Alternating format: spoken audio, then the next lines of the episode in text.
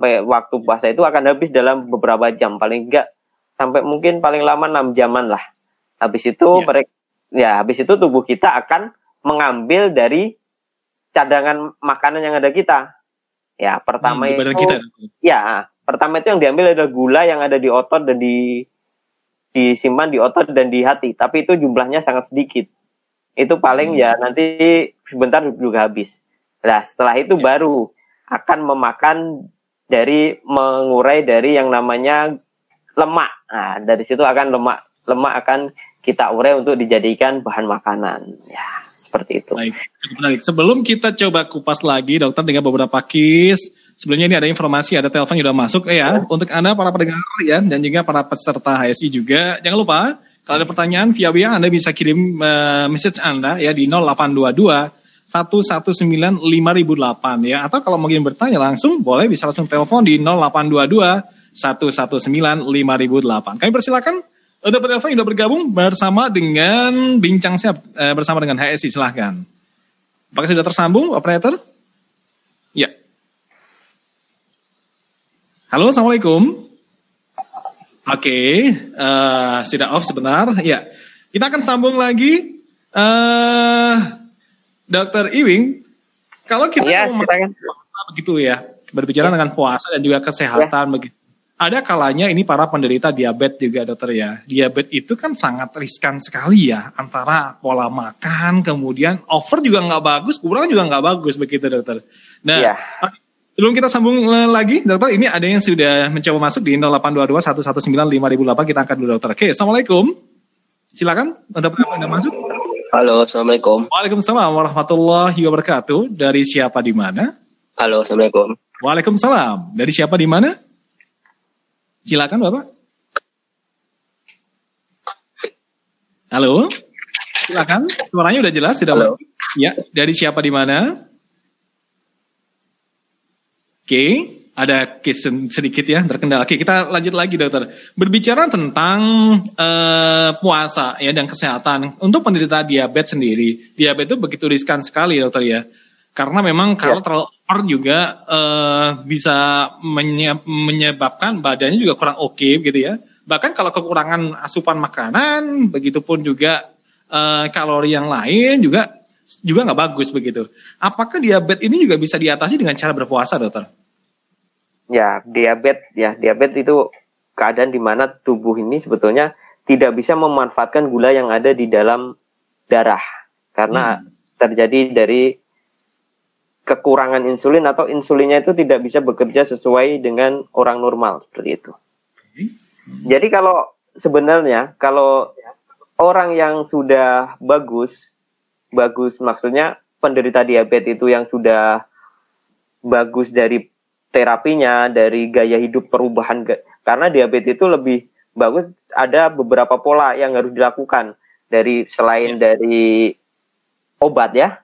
Selain dari obat yang utama adalah perubahan gaya hidupnya. Dari hmm. pola makan, dari aktivitas fisik, itu yang penting dan dari edukasi yang dari tenaga kesehatan kepada kalau sudah bagus dari pengaturan pola makan, aktivitas fisik, pengobatannya, terus nanti okay. terkontrol gulanya, itu puasa hmm. malah jadi tambah bisa me mengontrol dari gulanya itu. Tapi kalau yeah. pol gulanya belum terkontrol, biasanya dari dokter kita hold dulu bisa kita kita jaga dulu supaya dia bagus dulu karena kalau dia tidak terkontrol nanti bisa jadi puasa ini jadi tambah terjadi beberapa hal yang tidak diinginkan. Tapi kalau bagus, insya Allah malah lebih bagus nanti ke depannya apa gula da, pola gula darahnya itu. Oke, baik. Tentunya kalau beberapa penderita memang tidak bisa digeneralisir dengan keadaan puasa seperti itu dokter ya. Nah, ini ada satu juga dokter yang menarik eh, ketika kita berbicara tentang puasa Ramadan begitu. Nah, ini ada perubahan kebiasaan uh, Muslim semuanya, ya, uh, kebiasaan dari makan, kemudian minum dan juga tidur, dokter. Nah, sedangkan yang kita tangkap begitu ya, konteksnya adalah dunia kesehatan, bagaimana cara uh, istirahat yang baik adalah minimal 8 jam. Nah, kalau kita berbicara uh, di bulan Ramadan angka itu kayaknya tidak akan pernah bisa tercapai begitu ya dokter ya. Artinya kita akan memanfaatkan waktu sebaik mungkin. Nah, artinya dengan kebiasaan makan yang sedikit berbeda, yang notabene dari 12 bulan, satu bulannya digunakan untuk Ramadan puasa yang benar-benar ekstra begitu ya. Mungkin ekstrim dari kebiasaan sebelumnya ya. Makannya dijaga begitu, minumnya juga terbatas, tidurnya juga terbatas begitu. Nah, apakah ini juga uh, ada korelasi positif antara dunia kesehatan, dokter? Ya, kalau dari segi makan ya, segi makan sebetulnya kalau kita gaya hidup orang sekarang, dalam kita omongin terutama di kota besar ini, kebanyakan kita itu makannya yang over, tapi hmm. kalorinya banyak, tapi aktivitasnya kurang. Jadinya sekarang nah, banyak angka angka obesitas yang yang meningkat. Tinggi. Sekarang kalau kita pikir kalau ya karena saya juga asal dulu dari dari kampung, jadi ketika kita di kampung itu kita kebanyak yang zaman dulu ya nggak tahu zaman sekarang juga. Zaman dulu kita mau ke mana-mana jalan kaki atau naik sepeda itu udah udah paling bagus ya. Tapi ya. sekarang ketika kita di kota apa transportasi mudah. Kita pakai bis kita pakai apalagi di Jakarta ya mau pakai KRL mau pakai MRT mau pakai apa semua ada. Jadi ya. aktivitas fisik tuh banyak yang turun terus makanan makanan kita yang banyak kalori tinggi apalagi junk food apa apa junk food itu ya ke makanan-makanan yang manis-manis banyak. Sekarang kan banyak tuh apa boba lah teh boba lah apalah. Itu kan sebetulnya kalorinya juga sangat tinggi tapi miskin nutrisi-nutrisi yang dibutuhkan. Proteinnya tidak banyak lemaknya tidak banyak mineral dan vitaminnya juga tidak banyak. Dengan adanya puasa biasanya kalorinya itu akan turun asupan kalorinya. Nah, tapi yang perlu diperhatikan sekarang adalah cairan. Asupan cairan itu jangan sampai kita ketika puasa kita asupan cairan kita kurang karena asupan cairan itu penting. Jangan sampai siang hari itu kita dehidrasi. Makanya ya. ada beberapa tips untuk kita dalam ketika puasa malam hari berapa berapa yang harus kita minum. Misal ada yang mengatakan dari buka ini kita dua gelas sebelum makan dan sebelum buka saat buka puasa dua gelas saat nanti saat makan itu dua gelas nanti malam setelah taraweh itu dua gelas subuh itu dua gelas jadi paling enggak delapan gelas kita bisa masuk cairan itu. Ya. Badan kita begitu ya, ya badan kita. begitu. ya Ya, nah, artinya ya, begini, ya. lifestyle yang di, ya. yang lifestyle perubahan lifestyle ya yang dialami ya. mayoritas nggak cuma muslim sih sebenarnya semuanya ya. gitu ya. Artinya lifestyle yang dialami oleh penduduk Indonesia lah bisa dikatakan seperti ya. itu. Berarti artinya pola makan ini cukup banyak yang tertampung dalam tubuh namun tidak terbakar dengan sempurna begitu dokter. Ya, ya begitulah keadaannya di kita. Jadi hmm. kebanyakan kita itu sekarang kalau di kota kerja itu kalau di kota kerja itu kerjanya di kantor banyak kan? Di kantor datang sampai kantor juga duduk. Nanti pulang duduk lagi di kendaraan seperti itu. Kecuali kalau desa ya di desa di kampung. Maksudnya di sawah itu beda lagi di sawah. Atau di kota tapi kerjanya sebagai buruh bangunan. Itu beda hmm. banyak. Apa mereka makanya kita lihat kalau kita makan mereka makannya emang banyak kalorinya. Tapi yang dibakar juga banyak seperti itu. Ya, itu berbicara ya. dari segi ya. Kalau dari segi ini, mas.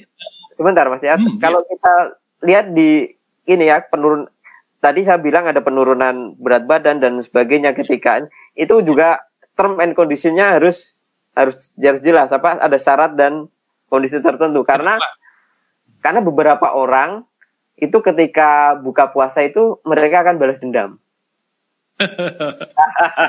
balas dendam. Jadi asupan kalori ketika pu buka puasa itu berlebihan itu juga juga kembali lagi ya. Tidak, tidak tercapai tadi yang penurunan ini. Jadi ketika normal-normal aja kita puasa normal ya buka puasa ya makan manis buka puasa ketika buka puasa tapi ketika sudah habis maghrib kita makan ya makan senormalnya aja dan makan bas buka puasa juga tidak satu meja itu masuk ke dalam perut.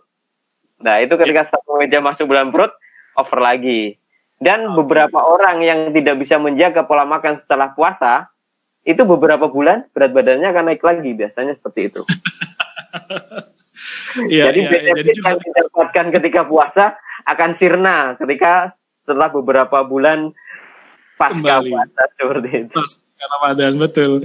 Nah itu itu yang terjadi rata-rata emang efek Nah. dari balas dendam begitu dokter ya. Iya. Oke, eh, saat lagi kita akan bahas lagi dokter eh, hubungannya dengan jam istirahat yang sudah mulai berkurang ketika kita bulan Ramadan begitu ya. Nah, gimana? Maaf, maaf, dari maaf. masyarakat? Maaf, Oke. kurang jelas suaranya di Oke, agak Eh, ya. saat lagi kita akan bahas lagi dokter dengan eh, kalau tadi adalah pembahasan pola makan ya, kita Ya. akan bahas masalah pembahasan pola tidur ya. Oh ya, Oke, tapi sebelumnya dokter kita beri sebentar karena ada beberapa murotal yang akan kita putar dulu. Jangan jangan lupa untuk anda para pendengar semuanya ya. eh, peserta HSI juga, para pendengar Radio MD juga, silakan Anda bisa kirimkan pertanyaan Anda melalui WA di 0822 119 5008 ya. Atau anda bisa telepon di 0822 119 Oh, ini ada satu penelpon dulu. Kita coba angkat dulu ya, dokter ya.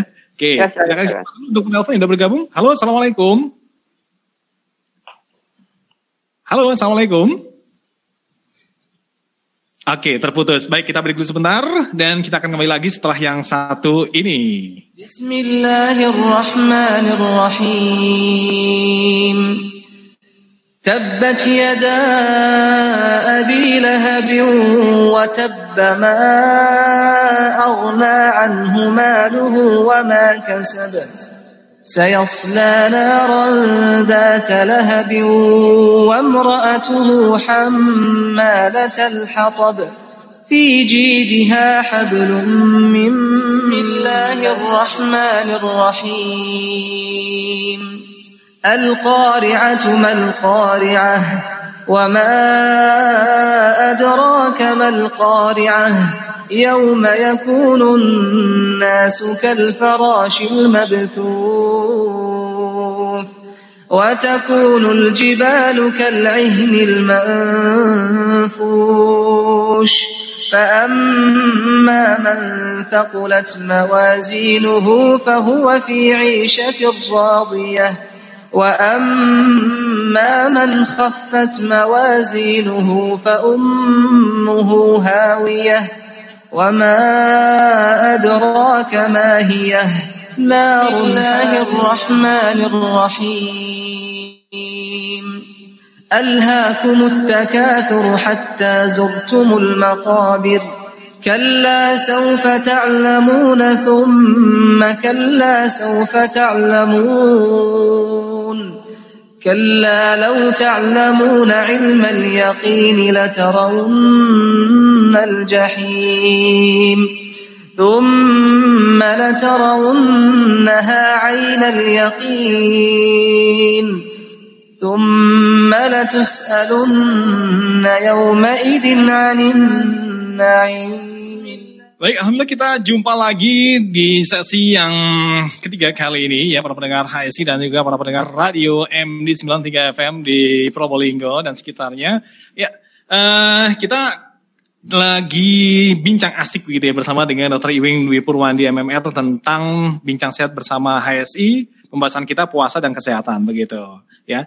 Dan para pendengar jangan lupa untuk Anda yang ingin bergabung boleh Anda bisa sampaikan ya eh, melalui WA di 0822 119 5008. Sekali lagi di 0822 119 5008. Nah, nomor ini juga Anda bisa gunakan untuk eh, telepon interaktif ya bersama dengan Dr. Iwing. Anda bisa bertanya langsung di sini sekali lagi di 0822 119 5008 itu dia.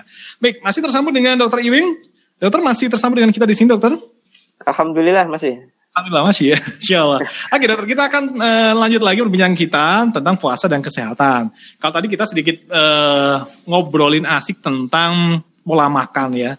Intinya eh, di puasa ini juga nggak boleh over juga gitu ya. Oke, biasanya edisi balas dendam hanya nggak bisa menurunin berat badan kita, ini begitu. Oke, kalau dengan pola tidur bagaimana dokter hubungannya antara puasa dan kesehatan?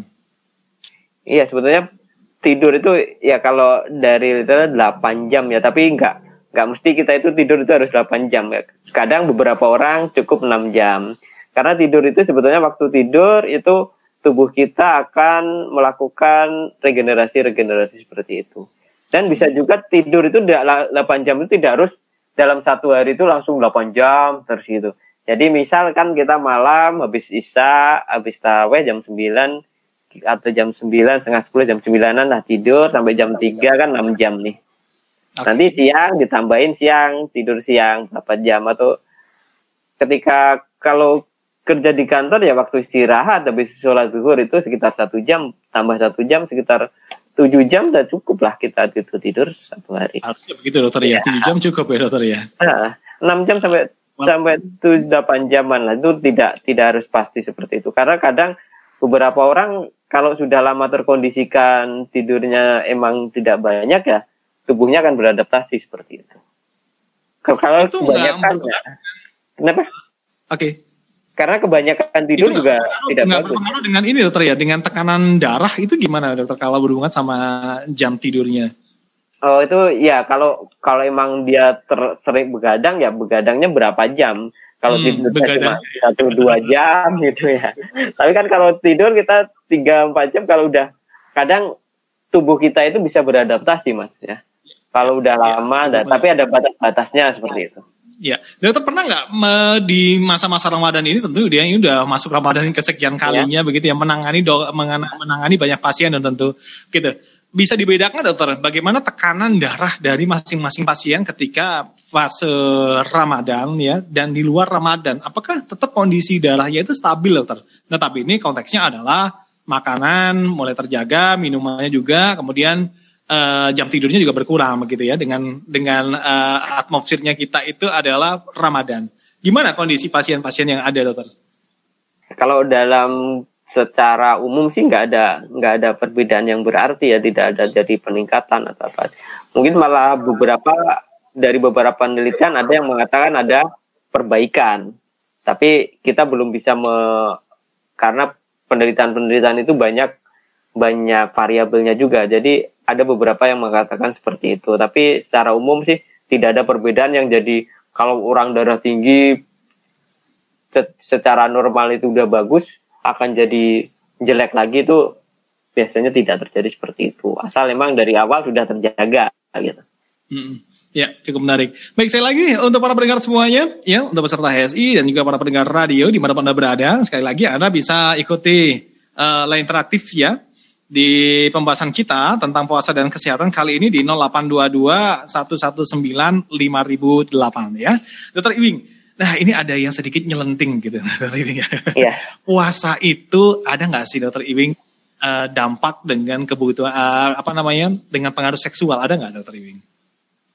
Hmm, saya belum pernah baca ya kalau dari dari segi literatur saya belum pernah baca ya ada yang bikin jadi lebih gimana itu menurut saya sih biasa-biasa aja sih ya nggak terlalu berpengaruh juga ya dokter Iwing ya nggak kembali terlalu berpengaruh karena ya nggak ada dari segi teori saya belum pernah juga yang menyampaikan itu. Terus dari jurnal atau penelitian saya juga belum pernah membaca sih yang tentang hubungannya dengan seksual. Karena saya juga atau karena saya emang tidak sengaja mencarinya seperti itu.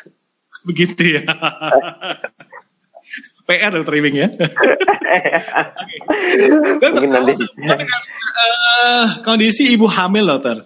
Iya. Eh, pernah nggak mengalami juga eh, punya pasien juga ibu hamil begitu dan biasanya ibu hamil ini juga kalau di masa-masa Ramadan ini ada yang kuat, ada yang tidak kuat begitu ya untuk melaksanakan puasa Ramadan ya. Emang dampaknya bagaimana itu dokter kalau secara medis?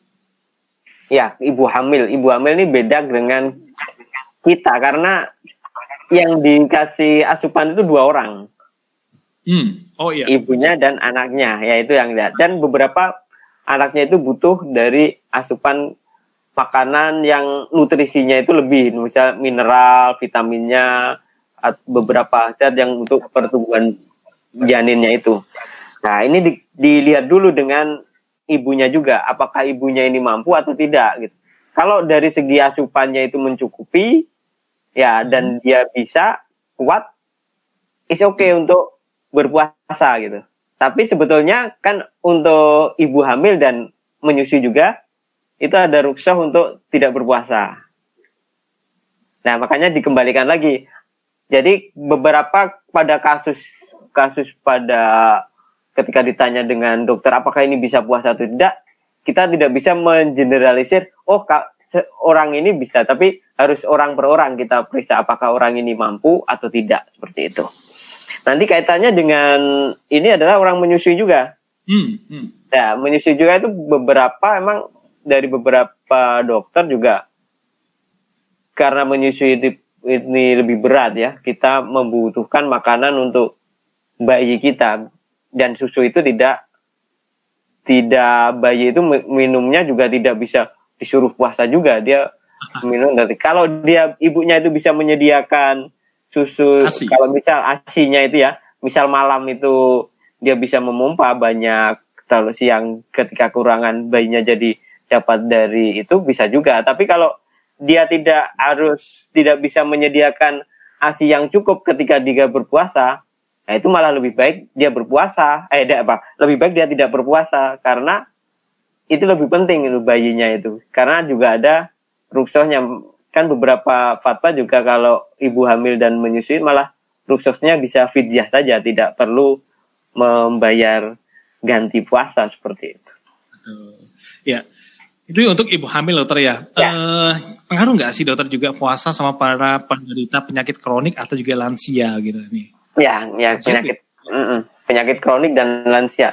Kalau lansia kita bilangkan dengan lansia dulu ya. Lansia kita ketika lansia itu banyak yang sudah berubah dari metabolisme tubuh kita. Mungkin ada menurun, ada apa. Tapi kalau selama lansia itu masih bisa, ya, is oke okay puasa.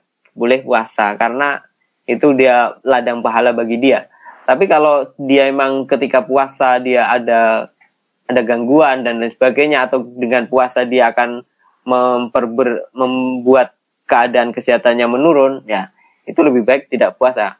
Balik lagi ketika ada keadaan seperti ini perlu konsultasi khusus orang per orang apakah ini bisa atau ini tidak nanti bisa diakses sendiri-sendiri.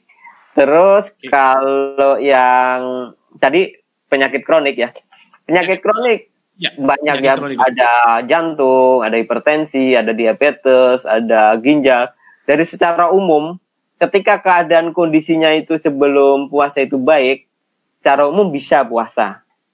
Hmm. Ya, tapi orang-orang yang punya penyakit kronik, saran kami sih konsultasi dulu dengan dokternya. Sehingga ketika dokter sudah mengatakan bisa, insya Allah aman gitu. Karena dari berbagai penelitian ketika kondisinya stabil, itu puasa tidak banyak mempengaruhi kesehatannya. Jadi cukup eh memang nggak bisa digeneralisir lagi-lagi ya dokter ya.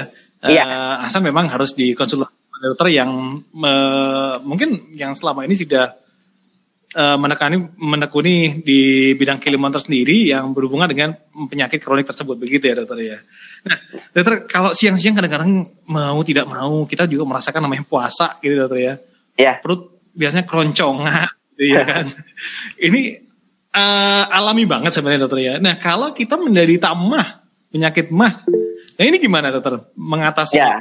Ah, ah. Untuk penyakit menderita mah biasanya ada dua ada dua jenis ya yang masih bagus. Maksudnya jadi penderita mah yang tidak ada gangguan fisik dari lambungnya. Jadi mah itu sebetulnya kan artinya lambung. Jadi sakit di lambung, sakit mah.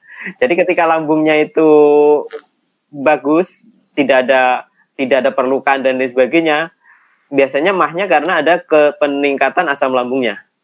Nah, ketika kita kondisi puasa, seharusnya secara umum asam lambungnya akan menurun. Malah lebih malah bagus harusnya keadaannya. Cara Hmm, cara teori. Tapi ketika orang itu sudah terjadi perlukaan di lambungnya, biasanya ketika puasa itu keadaannya akan jadi lebih jelek. Jadi biasanya ketika orang yang terjadi kalau kurang mah yang panjang, yang lama, kronik, itu biasanya udah ke dokter ketika dia diketahui bahwa itu keadaannya karena perlukaan, itu biasanya sarannya tidak tidak puasa. Oke dokter kita break dulu Ya. sebentar dokter. Ini ada satu telepon yang bergabung Oh, ya, sama kita dokter. Kita coba angkat dulu silakan. Untuk penelpon yang udah masuk. Halo assalamualaikum. Halo, Assalamualaikum. Kita coba akan tersambung sebentar. Oke, Anda bisa telepon di 0822 119 5008 ya, di 0822 119 5008. Oke. Baik, eh, sekali lagi Anda bisa call ya.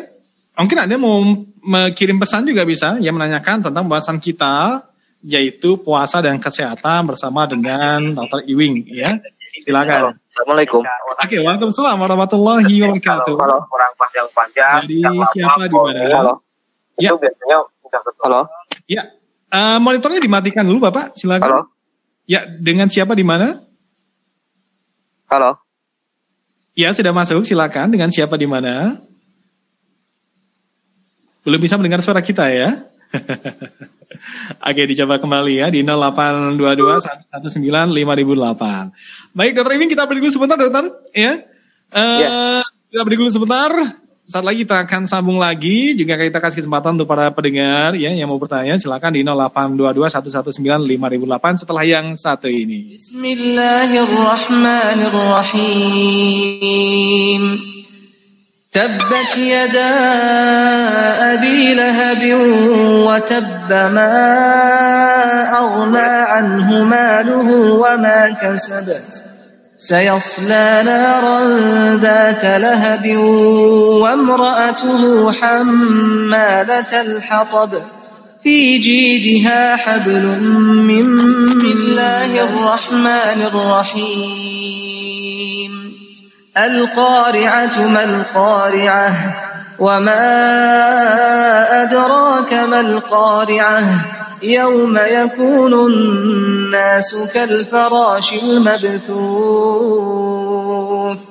وتكون الجبال كالعهن المنفوش فأما من ثقلت موازينه فهو في عيشة راضية وأما من خفت موازينه فأمه هاوية وما أدراك ما هي نار الله الرحمن الرحيم ألهاكم التكاثر حتى زرتم المقابر كلا سوف تعلمون ثم كلا سوف تعلمون كلا لو تعلمون علم اليقين لترون الجحيم ثم لترونها عين اليقين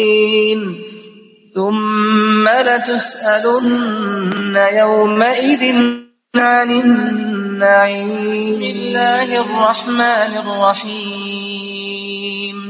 والعصر إن الإنسان لفي خسر إلا الذين آمنوا وعملوا الصالحات وتواصوا بالحق وتواصوا بالله الرحمن الرحيم. ويل لكل همزة لمزة الذي جمع مالا وعدده. يحسب أن ماله أخلده. كلا لينبذن في الحطمة. وما أدراك ما الحطمة؟ نار الله الموقدة التي تطلع على الأفئدة.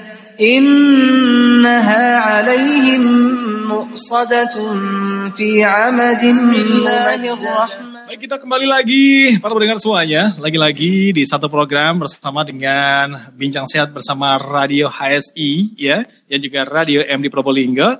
Nah, kita bincang tentang puasa dan kesehatan malam ini seperti biasa. kita ngobrolnya kurang lebih 60 menit dari jam 20 sampai dengan jam 21 insya Allah, waktu Indonesia bagian Barat ya. Oke, Anda bisa bergabung dengan kami di 0822 119 5008 ya. Oke, sekali lagi di 0822 119 5008. Baik, kita coba tersambung kembali dengan Dokter Iwing. Assalamualaikum Dokter, masih tersambung. Waalaikumsalam, masih masih. Baik, Halo, uh, Dokter Iwing, uh, kalau tadi kita bahas sudah uh, begitu banyak sekali manfaat puasa itu dokter ya. Bahkan ada beberapa yang bisa menurunkan berat badan, bahkan bisa menekan asam lambung ya. Kalau puasanya dengan cara yang benar. Dokter, ada nggak sih larangan puasa bagi penyakit-penyakit tertentu yang kayaknya sih sudah memang ini sudah menjadi rumus begitu ya di dunia kesehatan. Ada nggak dokter yang seperti itu? Ya kayak tadi yang yang apa yang penyakit yang kalau Kronis. secara umum sih penyakit kronis yang yang memang tidak terkontrol ya. Sama tadi yang mah tapi karena perlukaan seperti itu. Atau beberapa penyakit yang memang butuh makan atau butuh obat yang berkala di siang hari. Ya kita kan nggak nggak mungkin kan kalau minum obat ya batal jadinya seperti itu. Tapi secara umum sih tidak banyak.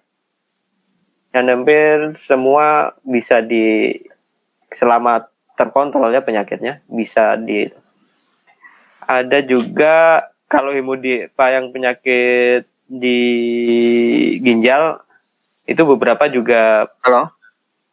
juga Ya, Halo? ada, kayaknya ada telepon dulu. oke. Seperti sudah telepon masuk ya sebentar dokter. Saya kita coba angkat Halo. dulu. Assalamualaikum. Halo? Ya, assalamualaikum. Silakan. Halo, assalamualaikum. Dengan siapa di Halo. mana? Silakan Bapak. Suaranya udah masuk ini?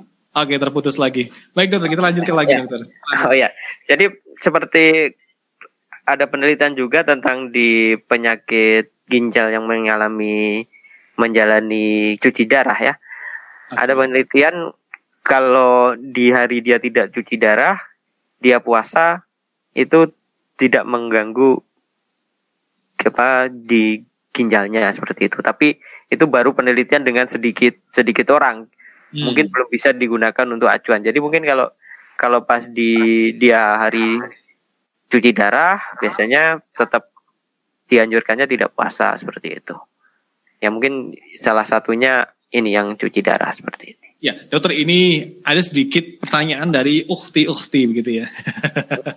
dari dunia umahat begitu ya. Ya. Nah, ya, puasa itu ada hubungannya nggak sih dokter dengan detok detok detok ya, detok badan gitu. Oh ya ya. Yang berhubungan dengan kecantikan. Ada nggak sih dokter seperti itu? Ya. Ya puasa puasa ini adalah suatu proses di mana apa keadaan tubuh kita kelaparan. Ya. Ya, ketika tubuh kita kelaparan itu ada suatu mekanisme dalam tubuh yang kalau di dunia medis namanya autofagi ya. Jadi tubuh ini memakan sendiri bagian tubuhnya. Sel-sel tubuh atau bagian-bagian tubuh yang rusak Hmm. itu akan di dimakan. Dimakan oleh sel-sel yang lain. Ada sel-sel yang makan itu dimakan yang rusak-rusak akan didaur ulang seperti itu dokter ya. diperbaharui. Jadi biasanya harusnya orang yang sering puasa itu akan tegar Oh. seperti itu. Tapi ini keadaan autofagi ini atau apa pemakanan secara otomatis ini dia tidak akan terjadi bila tadi berlebihan dari kalori karena itu ka- kalori tubuh kita itu rendah. Hmm. Lagi-lagi tentang pembatasan dari kalori juga. Ya, ya. Ini Ya. kayaknya berita bagus ini untuk para mumahat ya. Jadi biar semangat lagi puasanya. Tentunya jangan sampai salah niat begitu ya, dokter. Iya itu lagi. Nah, karena Itu Allah. lagi. Bonusnya banyak banget begitu ya, dokter ya di balik puasa itu sendiri. Masya Allah ya.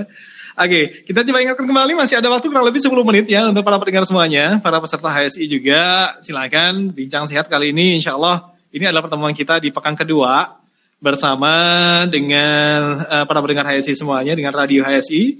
Jangan lupa Anda bisa akses ya siaran ini melalui akun media sosial HSI Abdullah Roy. Salah satunya di radio.abdullahroy.com ya. Dan interaktif Anda bisa gunakan di 0822 119 5008 ya. Kami persilakan masih ada kurang lebih waktu 10 menit dari sekarang.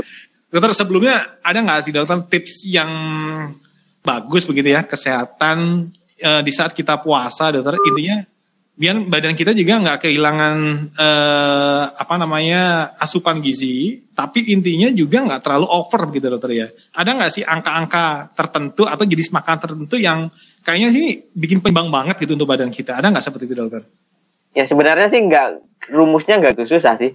Sebenarnya bagaimana kita makanan kita itu seimbang aja. Jadi karbohidratnya, sayurnya, proteinnya, protein hewani, protein nabati, seimbang aja gitu. Waktu puasa, waktu buka puasa makan besarnya dan waktu makan sahurnya seperti itu. Ketika Kendalanya kita sekarang ada yang terbaru dokter kendalanya dokter.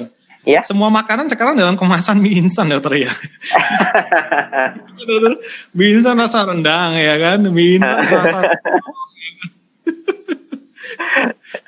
Ya, Jadi khawatirnya juga ini merambah masyarakat kita begitu ya. Kan udah terpenuhi dokter semua unsur begitu ya. Dari daging semua ada nih, rasa-rasanya doang gitu. rasanya aja. Makanya kan sebetulnya bagaimana selain ini puasa itu sebetulnya saya bilang ini kesempatan kita untuk ber- memperbaiki pola pola makan kita, memperbaiki lifestyle kita gitu. Jadi ketika kita puasa itu kita pikirkan makan itu jangan jangan kita pikirkan ketika dulu saya juga dulu berpikir seperti ketika kita mau buka wah buka puasanya ini makan apa ya? Kita cari bukaan apa ya? Makanan yang manis-manis yang enak-enak. Gitu. Tapi ketika waktu makannya nah kita mie instan lagi mie instan lagi. Seperti itu. Ujung-ujungnya di sana dokter ya. jadi bagaimana kita menyediakan makanan itu di dalam piring itu? Ya. Lebih. Oke, sudah dapat yang masuk ini. Kita aja makan dulu ya dokter ya sebentar ya. Assalamualaikum. Waalaikumsalam warahmatullahi wabarakatuh. Dari siapa di mana? Silakan. Dari dari Nisa di Probolinggo. Dari siapa Ibu? Mohon maaf. Nisa, Oke, silakan pertanyaannya. Silakan langsung dengan Dokter Iwing. dokter kalau misalnya pas pusing gitu, uh, bukanya gimana sebaiknya? Kadang Bisa kan di, ah, bisa diulang Bu? Bisa diulang? Suaranya kecil. kalau pas lagi pusing, Lagi pusing. nah Hmm. ya terus bukanya tuh sebaiknya gimana? Oke. Terima kasih. Baik, terima kasih kembali. Waalaikumsalam. Waalaikumsalam warahmatullahi Bisa ditangkap dokter barusan pertanyaannya dari Bu Nisa ya. Jadi kalau kita kondisi Iya. pusing itu bukanya gimana dokter gitu? Hajar aja Ya. atau bagaimana? ya. ya sekarang kita nggak tahu nih pusing pusing itu pusingnya apa kalau pusingnya karena hipoglikemi ya ya kita bukanya buka biasa aja sih sebetulnya kita makan ya secukupnya kalau biasanya ketika buka puasa itu emang di saran yang manis itu maksudnya kita mengganti kalori kita yang kekurangan dari pagi sampai siang itu supaya kita dapat lebih cepat untuk balik kalorinya aja. Terus minum. Biasanya mungkin juga karena dehidrasi. Bisa juga karena dehidrasi jadi minum. Makanya buka puasa kan anjuran dari ketika Nabi itu minum apa makan kurma atau kalau nggak ada minum air putih. Itu sebetulnya sudah sudah cukup dengan dengan itu. Jadi makan kurma dan minum air putih sudah cukup sebetulnya nah pusingnya ketika kita sudah makan tapi tetap pusing ya kita evaluasi dulu pusingnya itu karena apa apakah perlu kita minum obat karena pusingnya itu karena sakit atau dan lain sebagainya gitu Hmm, betul, betul. Ya tetap ada harus pemeriksaan lebih lanjut begitu dokter ya. Iya kalau dengan makan aja tidak tidak kembali pusingnya tidak hilang ya itu mungkin ada ada masalah lain seperti itu. Ya. Baik, cukup menarik. Silakan. Kalau ada penelpon lagi masih ada beberapa menit ke depan ya. Para pendengar semuanya di 0822 119 5008 juga para peserta HSI Abdullah Roy. Beserta juga para pendengar Radio MI silakan silakan ada pertanyaan tentang bahasan kita itu puasa dan kesehatan di 0822 119 5008. Ya, dokter kembali lagi eh, beberapa asupan makanan begitu, dokter. Ya. Eh kalau anak Bali, bukan balita dokter ya, anak-anak begitu ya. Konteksnya kalau menurut kesehatan itu diperbolehkan puasa itu mulai usia berapa dokter? Hmm, sebetulnya nggak ada nggak ada itu yang, yang pasti ya, Hmm. nggak ada karena anak-anak itu se- sebenarnya dia itu lebih lebih bisa tahan puasa dari dari orang dewasa. Harusnya begitu dokter ya. Ah, ada beberapa jadi beberapa ada beberapa mekanisme pada anak. Misalnya anak-anak itu kadang kalau dia udah main ya, Ya. pulang sekolah, dia belum makan siang, udah pergi main. Nanti pulang-pulang sore. Itu mainnya macem-macem itu lari-lari kan, ngejar layangan, pergi ke sawah dan lain sebagainya. Tapi pulang udah sore udah maghrib belum makan dari mungkin makannya cuma sarapan aja jadi pulang sekolah dia langsung pergi belum makan siang sampai itu juga banyaknya juga kuat. Jadi sebetulnya tidak ada batasan yang pasti. Asal dia kelihatannya dia kuat ya udah boleh aja. Boleh dari TK boleh dari sebelum TK pun. Kalau emang kuat sih boleh aja. Begitu dokter ya, nggak ada masalah secara kesehatan dokter ya. tidak ada sama Eh, di penghujung acara juga dokter, eh kita udah berada nggak terasa udah hampir 60 menit dokter Iwing. Waduh jazakallah khair ini dokter Iwing sudah bisa menemani kita semuanya para pendengar dan HSI. Dokter Iwing juga apa ini peserta dari HSI juga kalau nggak salah. Allah. iya Masya Allah. Moga-moga ilmu bermanfaat nih dokter ya. Baik amin dokter mungkin sebentar dokter di akhir sebelum kita tutup eh, program ini dokter khusus antara bagaimana sih tips puasa dan kesehatan untuk semua para pendengar silakan dokter. Iya, sebenarnya yang kalau kita kita ini ya puasa itu normal-normal aja sebetulnya. Karena dari zaman dulu juga orang puasa bekerja. Terjadi perubahan pola itu yang kita perlu kita antisipasi. Jadi yang pertama adalah asupan minum yang perlu kita adek adekuat ya. Jadi ketika malam itu paling enggak ya 8 gelas itu bisa kita penuhin, kita bagi-bagi. Ya. Tiap orang bisa bisa pilih lah kapan waktunya itu dia minum minumnya. Terus yang kedua adalah pola makannya itu bagaimana makanan kita itu cukup memenuhi kebutuhan kita dari segi karbohidrat, dari segi protein, dari segi lemak, vitamin dan mineral. Jadi ada makanan ada karbohidratnya misal nasi, mau singkong, mau mie dan lain sebagainya boleh. Ada sayurnya. Ada protein hewani atau protein nabati. Protein hewani nggak harus daging, kan ada ikan yang lebih murah atau telur, bisa ayam. Pro- protein hewani, protein nabati bisa tempe, tahu, bisa kacang-kacangan dan lain sebagainya, dele dan buah. Ya, kalau itu sudah terpenuhi, minum cukup, insya Allah kita akan dapat menjalani hari ini dengan dengan baik. Terus jangan lupakan adalah jangan sampai ketika puasa kita tidak beraktivitas. Karena beberapa orang puasa itu jadi ajang bermalas-malasan karena ya beberapa orang meng- mengamalkan puasanya orang puasa itu adalah ibadah yang kita nggak tahu dalilnya dari mana seperti itu. Tidur panjang ya dokter ya. Betul. Baik, terima kasih dokter. Ini atas tipsnya eh, udah jauh-jauh untuk bergabung dari Kalimantan Barat, masya Allah ini dokter ini bersama dengan bincang saya bersama dengan ASI. Semoga ilmu yang sudah diberikan dokter bermanfaat untuk para pendengar semuanya dokter ya. Jazakallah Iya. khairan dokter. Moga-moga bisa ketemu. terima kasih untuk anda. Iya. Baik, eh, terima kasih. Barusan kita udah bincang-bincang bersama dengan Dr. Iwing ya, di bincang saya bersama dengan HSI dan karena memang waktu tidak memungkinkan kembali, ya para pendengar semuanya jangan lupa. Insya Allah pekan depan kita bisa ketemu lagi di udara ya di program bincang saya bersama dengan HSI. Anda bisa akses nih program ini ya melalui radio HSI Abdullah Roy ya dan tidak cuma di radio HSI doang ya Anda juga bisa ak- akses, akses ya melalui akun media sosial HSI Abdullah Roy salah satunya di radio.abdullahroy.com ya sekali lagi untuk Anda yang bertanya pekan depan insya Allah bisa bersambung di 0822 119 5008 dan nantikan program dan tema pembahasan kita yang lain ya. Insya Allah. Jazakumullah khairan untuk Anda semuanya. Terima kasih. Selamat eh, beristirahat. Dan jangan lupa persiapkan badan Anda, perbanyak minum air putih biar badan Anda tidak terhidrasi ya. Persiapan untuk puasa besok semoga bisa lebih fit lagi. Jazakumullah khairan. Saya tutup eh, untuk malam ini. Semoga eh, semua kondisi dan amal puasa kita ya selama bulan Ramadan ini diterima oleh Allah Subhanahu wa taala. Subhanakallahumma bihamdika asyhadu an la ilaha illa anta astaghfiruka wa atubu ilaik. Assalamualaikum warahmatullahi wabarakatuh. Waalaikumsalam warahmatullahi wabarakatuh.